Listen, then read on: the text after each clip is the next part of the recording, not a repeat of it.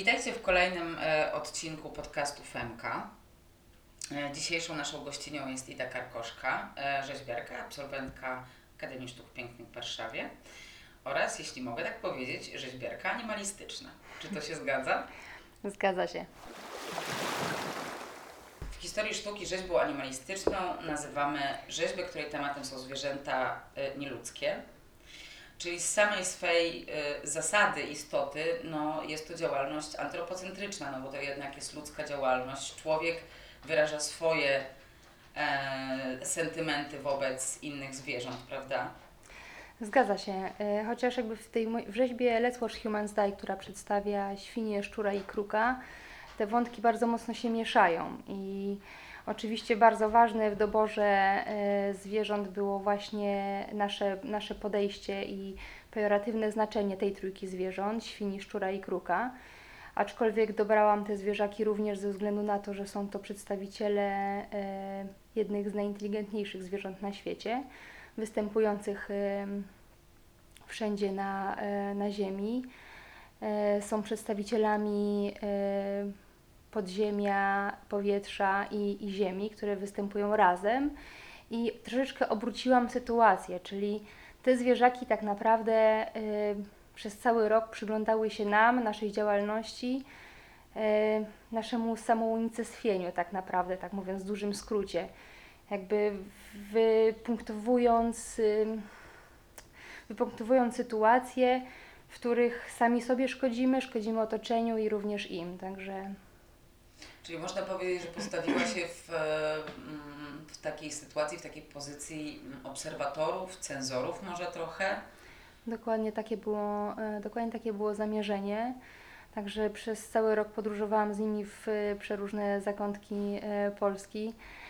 Często specjalnie jadąc w dane miejsce, często wykorzystując wyjazd rodzinny i, i wyłapując sytuacje, które, które miały oddać dany klimat albo, albo zwrócić na coś uwagę. Myślę, że o każdym z tych zdjęć można by sporo mówić, bo y, każdy z nich, prawie że każdy z nich porusza troszeczkę inny, y, inne tematy, a generalnie wszystko się łączy w całość dzięki tej trójce zwierząt i, no i zamknięciu tego w określony czas. Czyli jakby jest, jest to ten zegar, który tyka i pokazuje, że, że to wszystko cały czas się dzieje i jeśli nic nie zmienimy, no to, to nie idzie to w dobrym kierunku.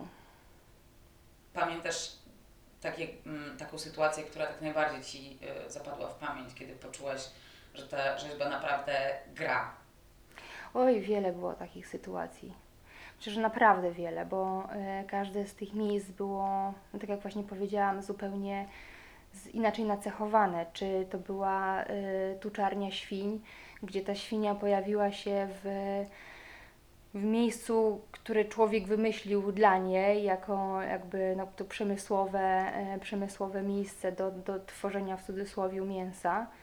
E, czy było to wielkie wysypisko e, opon, czy dach budynku, gdzie wchodziliśmy, e, wchodziliśmy zimą po niezabezpieczonym terenie, więc e, było przy tym dużo emocji.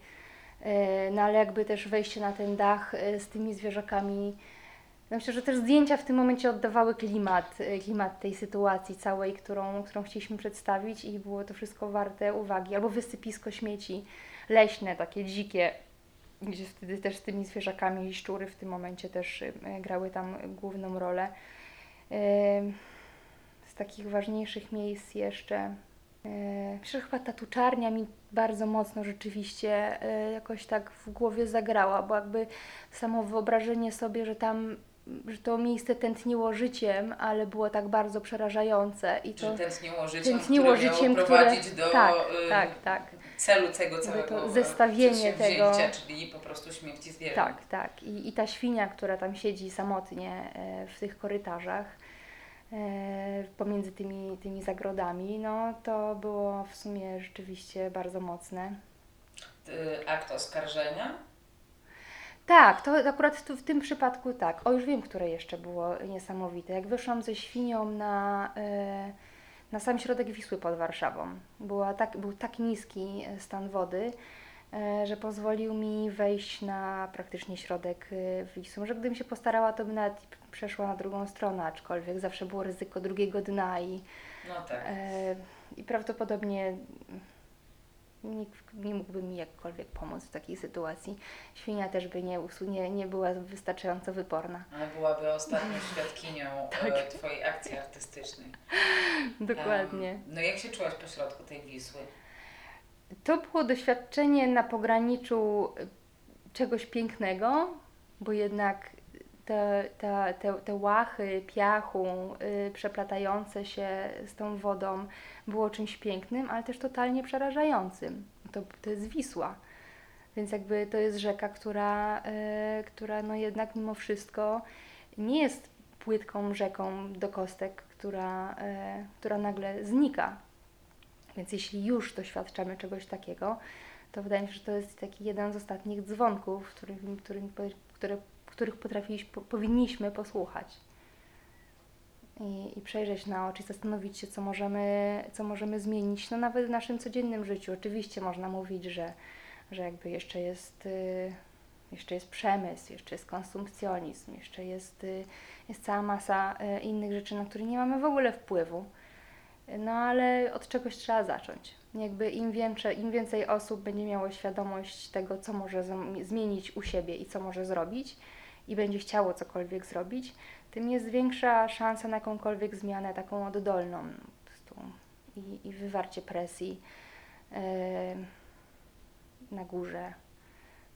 Pewnie polityczna by się przydała, żeby, żeby cokolwiek ruszyć mocniej. E, ze świnią na środku Wisły, ale świnia też utonęła w Orońsku. A to była już inna świnia. Ta właśnie opowiadała o, o rozbuchanym konsumpcjonizmie. Byłaś na rezydencji w Orońsku? Tak? Byłam. Tak, no w sumie przy świni też tam kilka dni pracowałam, ale na rezydencji byłam z lisem. No tak, ale zmierzam do tego, że świnia w końcu w Orońsku wylądowała na dnie Bajora i chciałam się spytać, jak to się stało, że tam skończyła swój, swój y, mm, żywot na powierzchni ziemi, no bo przecież wciąż tam gdzieś I świnia, i dzieci, bo ta świnia została stworzona e, troszeczkę czerpiąc e, z Wilczycy Kapitolińskiej. Jakby wyrzeźbiłam ją w taki sam sposób, jak była właśnie wyrzeźbiona Wilczyca Kapitolińska z, z dziećmi, to ja w ten sposób wyrzeźbiłam tą świnię, tylko z, jakby zmieniając płeć jednego dziecka, żeby było sprawiedliwie. E, I chodziło mi o to, że ta świnia miała reprezentować y, no, nasze podejście dzisiaj, konsumpcjonizm, była takim symbolem podejścia właśnie konsumpcyjnego.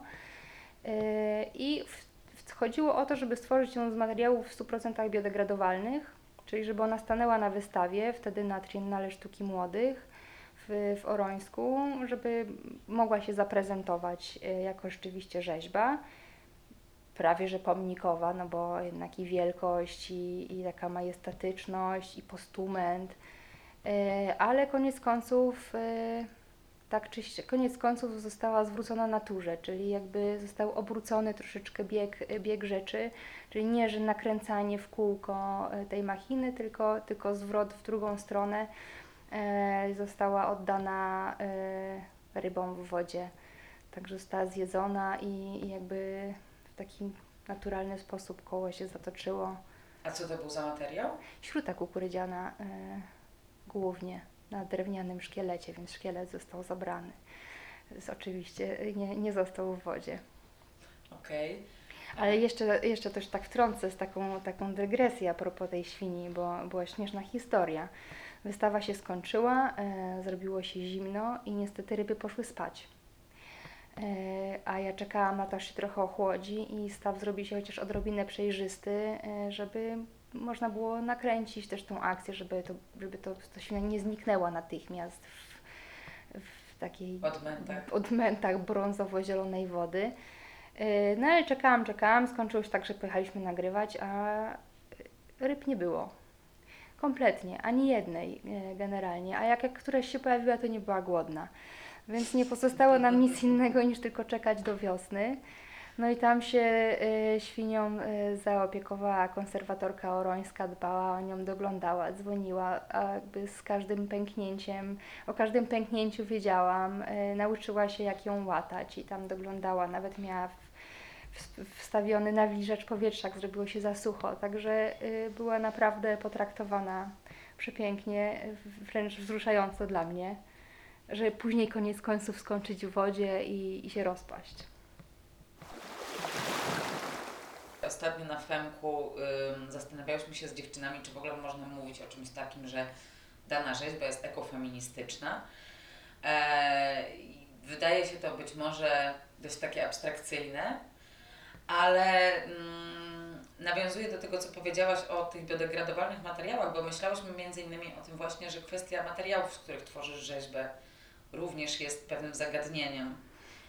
To jest ważny rzeczywiście temat przy większości moich prac, bo y, w sumie tak jak pomyślę teraz, to większość jest z odzysku. No nie zawsze, bo y, materiał przy Let's Watch Humans Die, przy świni, szczurze i kruku musiał być wytrzymały i, i lekki, więc no niestety była to żywica y, akrylowa, może nie toksyczna, no ale tutaj o jakimś ekologicznym mm, aspekcie, no to jest takie dyskusyjne tak naprawdę. No jakby co jest w tym momencie ważniejsze, czy, czy wykonanie projektu i zwrócenie uwagi na problem kosztem y, użytego materiału, czy, no, czy rzeczywiście szukanie środków, które nie jest, co nie jest takie łatwe, bo to jest rzeczywiście temat, który, który też zgłębiam od dłuższego czasu i tak samo jak powstał, powstał lis i mały i, i, i duży, i, i królik, i, i owca, y, ta z metkami, y, faszonistka powstały z worków bankowych jutowych, które też miały iść do, do utylizacji. To, to jest materiał, który nie powinien gdzieś krążyć e, poza jego przeznaczeniem. Ale, ale jakby jeśli jak udało mi się go pozyskać, no to nie było innej możliwości niż tylko wykonać odpowiednie rzeźby, w których też było ważne, że właśnie to jest worek bankowy, który dawno, dawno temu służył do przetrzymywania pieniędzy, więc też miał taki aspekt dodatkowy. Yy, jeśli chodzi właśnie o interpretację e, danej, danej rzeźby.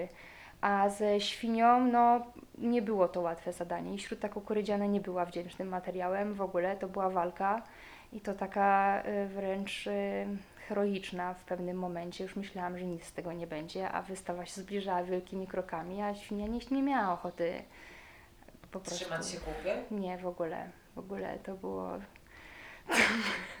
Obiecałam sobie, że będę dalej pracowała nad tymi materiałami i mam to z tyłu głowy. Jeszcze się nie zebrałam, ale będę szukać takich możliwości. E, bardzo zależy mi na tym, żeby móc wykonywać e, rzeźby z materiałów, które właśnie są biodegradowalne i albo jakby postawienie ich w przestrzeni publicznej albo da coś na plus, takiej przyrodzie, albo stanie się pokarmem, albo się właśnie, albo będzie nawozem, ale no nie w takim długim wymiarze czasowym, tylko po prostu się rzeczywiście rozpadnie i będzie, będzie nawozem, albo będzie neutralna. E, Czyli niezależnie od tego, czy, tak mówiąc szorstko, niezależnie od tego, czy ludziom przypadnie do gustu, czy nie przypadnie do gustu, to i tak coś dobrego y, z zaistnienia danej rzeźby się wydarzy. Taki miałbym plan, jakby nawet właśnie, właśnie żeby obejść troszeczkę taką rzeźbę, którą można mieć w domu, wystrojowo, niewystrojowo, albo że któryś temat na przykład właśnie komuś się podoba i chciałby mieć część tego projektu u siebie,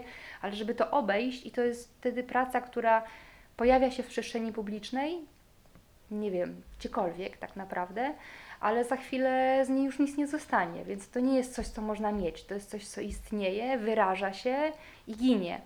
I na czymś takim by mi e, zależało, tylko tak jak mówię właśnie, albo żeby miało takie znaczenie pozytywne dla, przyro przy, dla przyrody, dla natury, albo żeby było kompletnie neutralne, no ale to jeszcze troszeczkę potrwa. E, te badania pewnie mi zajmą jeszcze sporo czasu. E, więc to wykorzystanie, wracając do właśnie do Twojego pytania, wykorzystanie materiałów jest bardzo ważne. E, I w, i w, i w Rei Sylwii, czyli tej świni zorońska, mm, ta śruta kukurydziana po prostu miała swój cel, miała swoje zadanie. E, czy, czy, czy zwierzęta, które zwracają uwagę na, na konsumpcjonizm albo jakby bezsensowność naszego działania dla, dla pieniędzy, i są zrobione z, z worków jutowych, bankowych, no jakby to wszystko gdzieś, to wszystko się gdzieś zamyka. No i takie moje zbieractwo w tym jeszcze wychodzi. Się i, I tych worków bankowych nagromadziłam, i te metki dla tej owcy, 3000, ponad 3000 metek na, na tą owcę, 3 lata ją robiłam i zbierałam A od możesz ludzi. w takim razie naszym słuchaczkom i słuchaczom przybliżyć historię owcy faszynistki? Owca faszynistka to jest owca, która jest w połowie pokryta e, metkami z ubrań, e, takimi jak prać, jak prasować, jak obchodzić się z danym ciuchem. I jak nałożyłam je jako e, na tą, na tą owcę, jako w sumie właśnie częściowo jej wełnę. Częściowo jest ogolona, częściowo, częściowo jest na niej ten czynnik, ten czynnik ludzki i ogrom, bo ta owca jest duża, a w zderzeniu, jak mamy możliwość dotknięcia tych metek i jakby zobaczenia ogromu tego wszystkiego, to jest to naprawdę, y, no jest to dość przytłaczające. Nawet dla mnie wciąż jakoś tam działa, jak na nią patrzę, to, to jest to niesamowite. Nie wiem, że w ogóle podjęłam się tak żmudnej pracy, y, bo to każda z tych metek była przyklejona oddzielnie i to z olbrzymią precyzją, każda miała ułożona była pod odpowiednim kątem. No to, to też w sumie było dosyć heroiczne zadanie. Trzy lata. Trzeba się zawziąć. No, przez trzy lata taki projekt ewoluuje. Czasami tak. Y, Czasami tak, bo w ogóle większość moich projektów jakby od momentu powstania w głowie y, trochę czasu mija, zanim go wykonam. Ta trójka zwierząt, świnia, szczur i kruk, Let's Humans Die, też powstały dużo wcześniej. Jakby i one długo dojrzewały i długo myślałam o tym, jak to wykorzystać. One zawsze w, e, od początku funkcjonowały u Ciebie jako trójca, czy... mm, Miała być dopiero- trójka zwierząt. Miała być trójka zwierząt. Długo myślałam nad tymi, które zwierzęta i co one mają przedstawiać i jakby co przekazywać samą swoją y, postacią. A później jeszcze powstał, to też dopiero z czasem powstał pomysł, żeby z nią, z tą, z tą rzeźbą podróżować, bo ona pierwotnie miała stanąć y, w górach i patrzeć rzeczywiście z góry po prostu na Polskę, tak bardzo symbolicznie. Tylko, że tu się pojawił ten problem ekologiczny i zaśmiecania, Mhm. jak można zaśmiecać, wejść na górę gdzieś i nawet jeśli cel jest rzeczywiście fajny, to jest to zostawienie y, śmiecia. W Mhm. takim miejscu y, jest to zostawienie śmiecia, co by, co by się nie działo, więc, y, więc też jakby z, z, zmieniłam to znowu, żeby, y, żeby przedłużyć ten projekt i żeby, żeby poruszać się w różnych miejscach po różnych miejscach, szukać takich miejsc y, opuszczonych. Opuszczony hotel był też niesamowity. Miejsce, w którym jeszcze wciąż były przedmioty takie pozostawione, jakby ktoś wyszedł. Oczywiście jeszcze takie współczesne również. Coca-Cola rzucona gdzieś tak przy starym łóżku z taką już pościelą, która zaczęła zmieniać trochę kolory. No, zaczęły, zaczęły wchodzić jakieś mchy.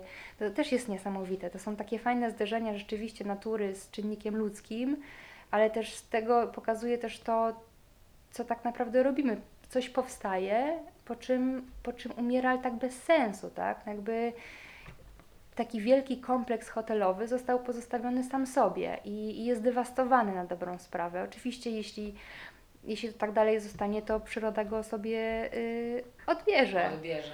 I robi to pomalutku, e, no tylko mimo wszystko jakim kosztem. I jakby ile ją musi kosztować to wdarcie się e, do środka i przejęcie takiego budynku. Bo to, to rzeczywiście wygląda często niesamowicie, tylko to jest jej olbrzymim kosztem. No to skąd się wzięła kawa w koniu? Ja tak przybliżę, chodzi o to, że Ida stworzyła jako swój dyplom na Akademii, można powiedzieć wręcz taką monografię końską. Ten dyplom składa się z dwóch części. Rzeźba to jest jedna część, ale druga to był też aneks medalierski. Tam stworzyłaś bardzo wiele tych wizerunków. Tak, tam Chciałam około się ciebie 80 było. Jak to się stało, że przecięły się ścieżki Twoje i konia? A tego w sumie to chyba jest bardzo ciężki temat do, e, tak, do określenia jednoznacznie. O ten koń rzeczywiście towarzyszy mi od, od dziecięcych, takich bardzo dziecięcych y, lat. I zawsze robiłam, rzeźbiłam, rysowałam zwierzęta. Ten człowiek gdzieś taki był trochę zepchnięty, jakby niepotrzebny w tym wszystkim do końca. Nie, nie inspirował Cię tak bardzo? Nie, nie, nie. I, no i ten koń rzeczywiście był katowany strasznie. W różnych pozycjach. Jak się nie dało zrobić w jakiś sposób, to był na patyczku od lizaka. Więc jakby bieg skaczący czy coś tam. To, to po prostu te, te zwierzaki gdzieś cały czas były obecne. E, więc myślę, że on jakoś tak naturalnie wyszedł. A, a, przy, tym, a przy tym aneksie, no to akurat był przegląd przez konia sztu, w sztuce, bo stworzyłam e, te medale w sumie od początku, od, od wizerunku jaskini Lasko do, do współczesności, przechodząc przez różnych artystów po, po własne interpretacje e, tematu, jeszcze kończąc koniem mechanicznym, e, jako tak symbolicznie e, Ferrari. Więc to, to było taki, takie też wielkie w sumie pokazanie naszej jakiejś wspólnej drogi, bo ten koń jednak jest obecny od, jak widać, od początku tak naprawdę. E, a założeniem tej mojej rzeźby z, z, kawy, bo ona w 90% jest z kawy, to była, chodziło o pokazanie To jest e, ziemi w skali, na, e, w skali naturalnej. 1 do Tak, 1 koń, tak, prawda? tak. Leżący koń On stworzony. nie był leżący właśnie, on był trochę w Mhm. innej, on był trochę inny, inaczej prezentowany, on, on odpadał od płaszczyzny, albo można powiedzieć, że się w, w, wyłaniał, albo, albo właściwie, y, no on w sumie tak od niej odpadał. I on był częściowo z nią, z nią złączony, więc tak trochę wyszedł medaliersko-rzeźbiarsko, tylko rzeczywiście wielki, czy jeden do jeden. Y, No i zależało mi na materiale, który jest lekki, ale daje poczucie takiej właśnie ziemistości, takiego początku trochę, początku i końca naszego i uchwycenia y, ruchu, na którym mi wtedy jakby zależało, takiego czegoś, co jest bardzo ulotne, tej chwili, która jest teraz, ale zaraz się skończy, czyli taka troszeczkę opowieść o, no można powiedzieć, o całym naszym życiu, jeszcze plus te, plus te medale. Ale to wszystko się zmieniło. y, Założenie konia zmieniło się kilka lat później, y, jak odcięłam go od płaszczyzny i z powrotem zobaczyłam go w formie leżącej y, samego, w sumie przerażającej, takim zderzenie ze śmiercią. Y, Jak rzeźbiłam tego konia, to moja mama walczyła z chorobą, więc ta śmierć w ogóle była tak strasznie namacalna, że ona po prostu przeszła na tą rzeźbę. To nawet chcąc, nie chcąc, ja tego nie planowałam, to nie było moje założenie a ona się tam pojawiła. I patrząc na tego konia leżącego, który próbuje się podnieść, jak ostatkiem sił podnosi tą głowę, niektórzy rzeczywiście inter- interpretują tą rzeźbę, że jest w tym coś jeszcze, że on jeszcze żyje i że jest szansa, inni, że jest tragiczna, to co oczywiście się zmienia, zmienia w zależności od osoby i podejścia, yy, ale, ale yy, prosiło się, bo jestem częstą, częstym gościem, częstą gościnią w, w Parku y, Narodowym naszym w Tatrach i trasa do Morskiego Oka i te konie tam to jest po prostu jakiś temat, y, który no, nie daje mi spokoju za każdym razem jak tam jestem. I nałożyły mi się w sumie zdjęcia tych umierających koni na tej trasie z tym, y, z tym moim koniem. Co się później okazało, jeden z koni, który, który umierał właśnie y, na górze, tam gdzie skończyłam swoją akcję z, z, a swoją z, z Vivą, z Fundacją Viva, z Anną Plaszczyk, y, zaraz o tym powiem, co zrobiłyśmy, to tam dokładnie tak samo leżał koń, który umierał tam, gdzie zostawiliśmy tą rzeźbę, jak wyszliśmy na górę. Więc jakby to się, połączyło się znowu kilka wątków, no jakby rzeźba, która miała inne założenie, mogła zrobić coś innego, zwrócić uwagę na, na jakiś problem i zaistnieć w zupełnie inny sposób. I została do tego użyta, ale to też nie było na zasadzie jest pomysł i działamy. Chyba ze 2-3 lata mieliłam w głowie ten pomysł. Czy to rzeczywiście ma sens, czy to zadziała, czy, czy to robić, czy nie robić. I jakby bądź co bądź było to duże wyjście ze strefy komfortu dla mnie. Yy, ale cieszę się, że cieszę się, że zdecydowałam się to zrobić. W sumie w tym momencie już po tych kilku latach ta decyzja była spontaniczna, yy, że wchodzę z tym koniem tą samą trasą, wciągnę konia tą samą trasą, którą przemierzają yy, te konie wchodząc na Morskie Oko. I zadzwoniłam do właśnie do Ani Plaszczyk, żeby spytać o, o, o sytuację koni, o ich, o ich zdrowie, jak wygląda. Więc jak powiedziałam jej, jak, co planuję zrobić, nie trzeba było długo czekać, po prostu Ania stwierdziła, że idziemy razem i nie ma innej możliwości. I tak się stało, że kilka dni później dosłownie, e, bo to już była końcówka lata i trzeba było wykorzystać jeszcze te sytuację tłumną i, i te wszystkie wozy jadące y, na górę. Podjęłyśmy decyzję o szybkim działaniu. Już nie było odwrotu, bo jak już nie jest samemu, to już nie ma odwrotu. Y, I wciągnęłyśmy tego konia z przygodami. Na szczęście mm, park nie robił problemów, aczkolwiek. Jakie były reakcje ludzi? Z samych ludzi bardzo pozytywne. Chyba nawet mogę powiedzieć, że prawie, prawie wszyscy byli bardzo pozytywnie reagowali. Nie wszyscy rozumieli o dziwo o co chodzi, ale no to jakby po to też tam byłyśmy, żeby tłumaczyć, e, tłumaczyć właśnie co zamierzamy zrobić albo co robimy. To dopiero okazało się, gdzie na, na, lekkich, na lekkich przewyższeniach, że ten koń po prostu nabierał zupełnie innego ciężaru i to rzeczywiście e, robiło się męczące. E, ale wtedy z pomocą przychodzili nam ludzie. Obcy kompletnie ludzie i, i Polacy, i obcokrajowcy dołączali się do akcji, wciągali, wciągali konia z nami, wspierali słowem. Także, e, także rzeczywiście, jakby myślę, że przyjęcie było bardzo, e, bardzo miłe na, na trasie. Tam poza jakimiś lekkimi ewentualnie e, tekstami ze strony fiakrów, to, to było...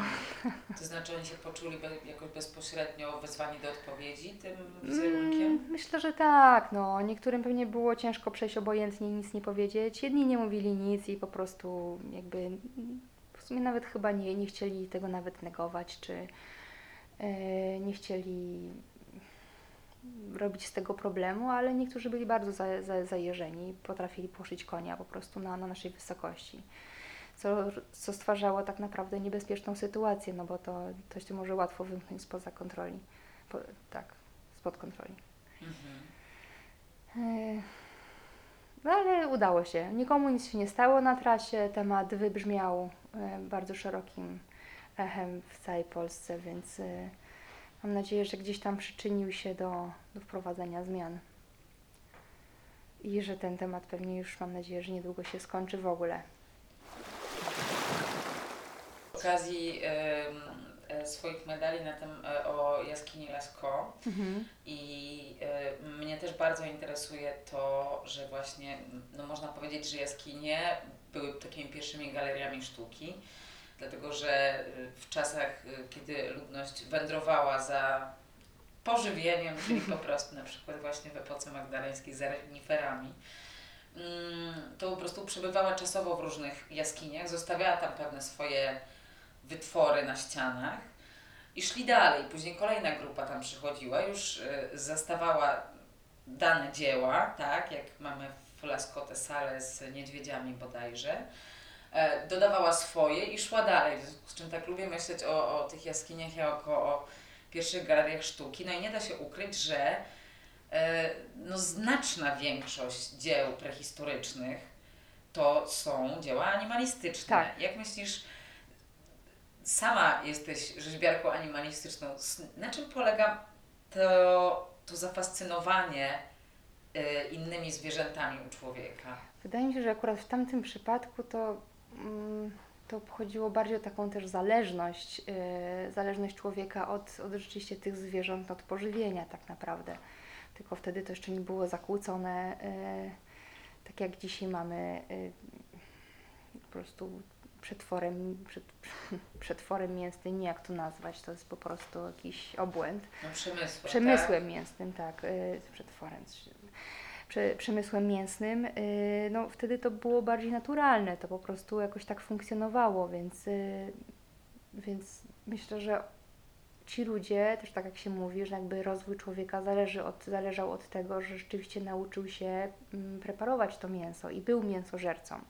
Jakby to umożliwiło rozwinięcie się y, mózgu w, odpowiednim, no, w tym kierunku, w którym gdzieś tam mamy teraz. Czy jest to odpowiedni kierunek? Y, tak, więc to, więc to jakby na tamtym etapie wydawało mi się, wydawało mi się, wydaje mi się, że po prostu było taką zależnością, jed, znaczy nie zależnością jednokierunkową, bo to w sumie naszą od nich, a nie na odwrót, do Mm. momentu udomowienia. Oprócz y, jaskini, o których właśnie lubię myśleć jako o galeriach sztuki, funkcjonowały również wtedy te mm, takie mniejsze formy mobilne, które można było ze sobą zabrać i one właśnie są bardzo niewielkie, e, niewielkie rzeźby przedstawiające zwierzęta. Mhm. I w, ponieważ najczęściej w jaskiniach e, to są przedstawienia polowań, natomiast to są, no właśnie, na przykład moja ulubiona rzeźba, którą możecie zobaczyć na Instagramie Femka, czyli dwa płynące ranifery. E, albo też bizon liżący ranę po ugryzieniu insekta, więc nie Tak, są to tak, przepiękna rzeźba. nie są to e, rzeźby przedstawiające zwierzęta jako Tak. mięso, tylko jednak jako jakieś charaktery, prawda? To prawda. charaktery, które gdzieś zmierzają, mają jakąś swoją historię. E, Zastanawiam się, dlaczego właśnie zwierzęta tak e, interesowały człowieka, dlaczego nie mamy takich figurek właśnie z innymi ludźmi, tylko taką różnorodność właśnie zwierząt. Może tak trochę to jest gdybanie, ale może to rozgraniczenie na człowieka i zwierzęta też było po prostu mniejsze. Po prostu żyliśmy, y, żyliśmy razem i obok siebie, więc y, tak jak są normalnie drapieżniki, które żyją y, wśród, wśród załóżmy roślinożernych, no to jakby myśmy też funkcjonowali obok, ale też byli zafascynowani. No jakby nie było, wciąż jesteśmy zafascynowani pięknem i tą niesamowitością zwierzaków. Jest w nich coś totalnie magnetycznego. Yy, I no nie wiem, jest coś w nich, coś takiego, coś niesamowitego, oprócz tej, nie wiem w sumie jak to powiedzieć, ale yy, zawsze jak, no wcześniej miałam dwa psy, długo miałam dwa psy. I niezależnie jak bardzo byłam w złym, złym stanie y, gdzieś tam psychicznym, wystarczyło wyjść z tymi psami na spacer i popatrzeć jak biegają. I to jakby wystarczyło totalnie, żeby obrócić, y, obrócić sposób y, czucia siebie. Więc mm, wydaje mi się, że nawet na takim, takim prostym poziomie właśnie emocjonalnym. Że być może jest coś takiego, że zwrócenie się ku zwierzętom nieludzkim sprawia, że my siebie sami trochę mm,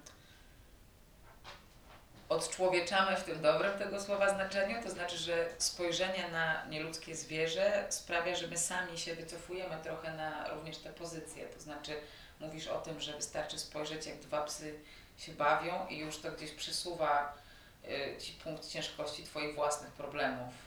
Tak, tak, to jest w sumie ciekawe tak naprawdę do zastanowienia się nawet na dłuższą, dłuższą chwilę na, nad tym tematem.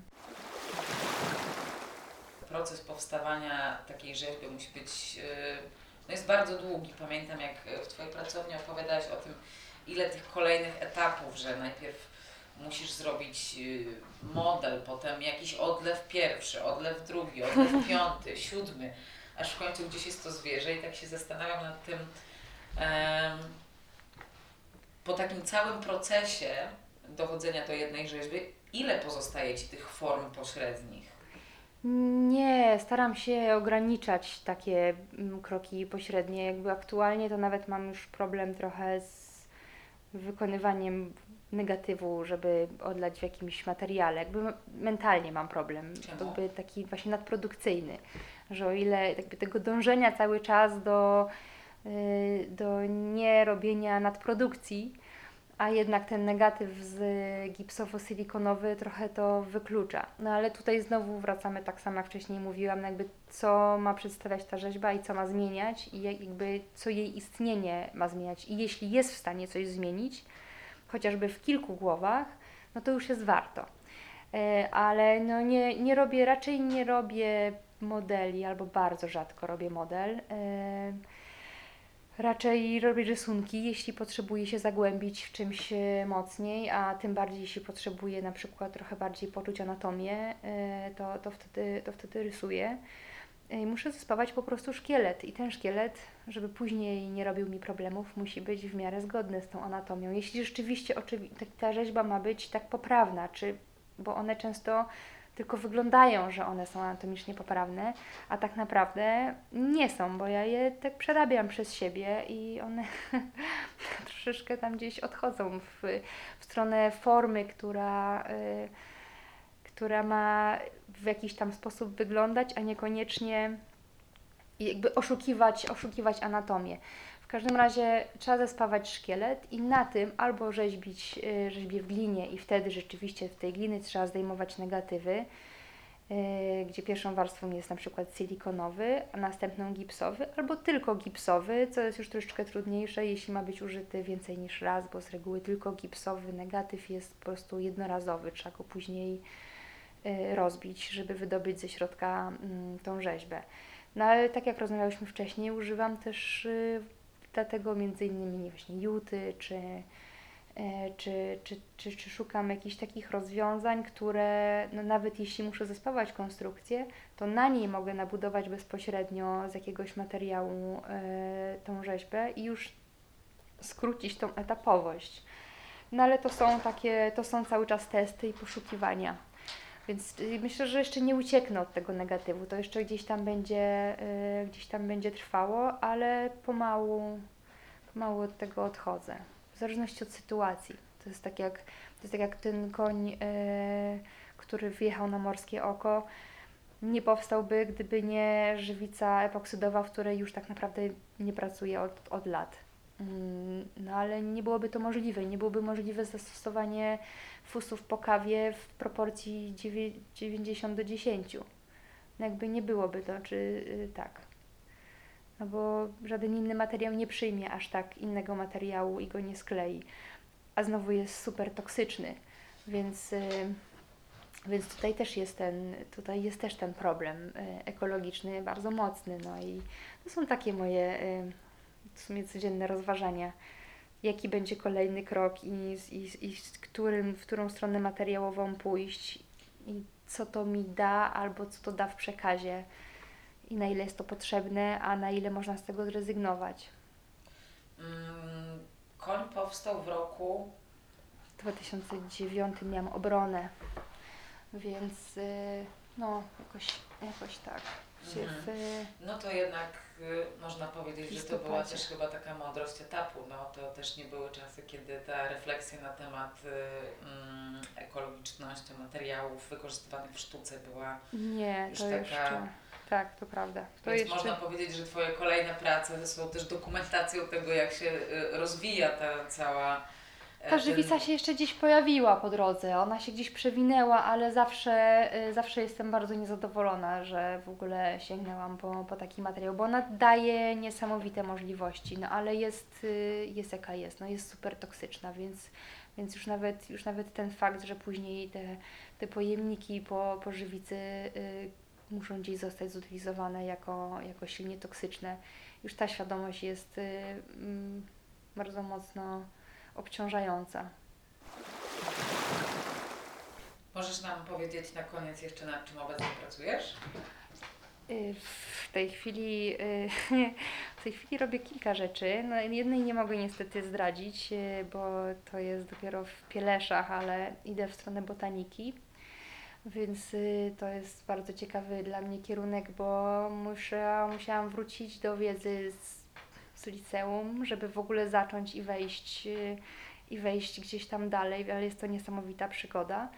I też jeszcze będzie troszeczkę zahaczać o medycynę, więc jest wszystko, wszystko co po prostu uwielbiam, y, będzie się włączyło w tym projekcie. Mam nadzieję, że się połączy.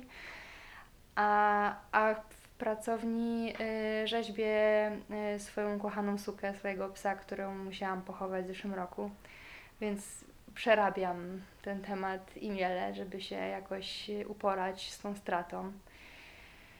Y, No, oprócz tego wykańczam wszystkie, wszystkie zaległości, które gdzieś odeszły na chwilę, bo zajęłam się kolejnym, więc staram się zamykać, zamykać jakieś tematy, które wiszą.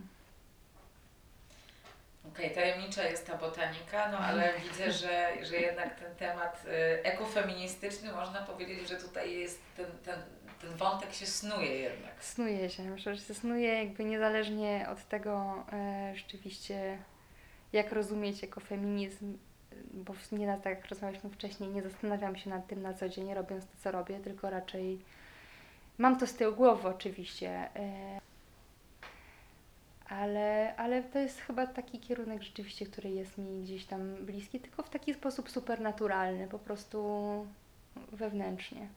Nasza rozmowa przeprowadzona była w towarzystwie nie tylko pięknego, dostojnego i bardzo grzecznego psa Badura, ale również właśnie rzeźb, o których rozmawiałyśmy. Mamy tutaj liska, szczura i króla.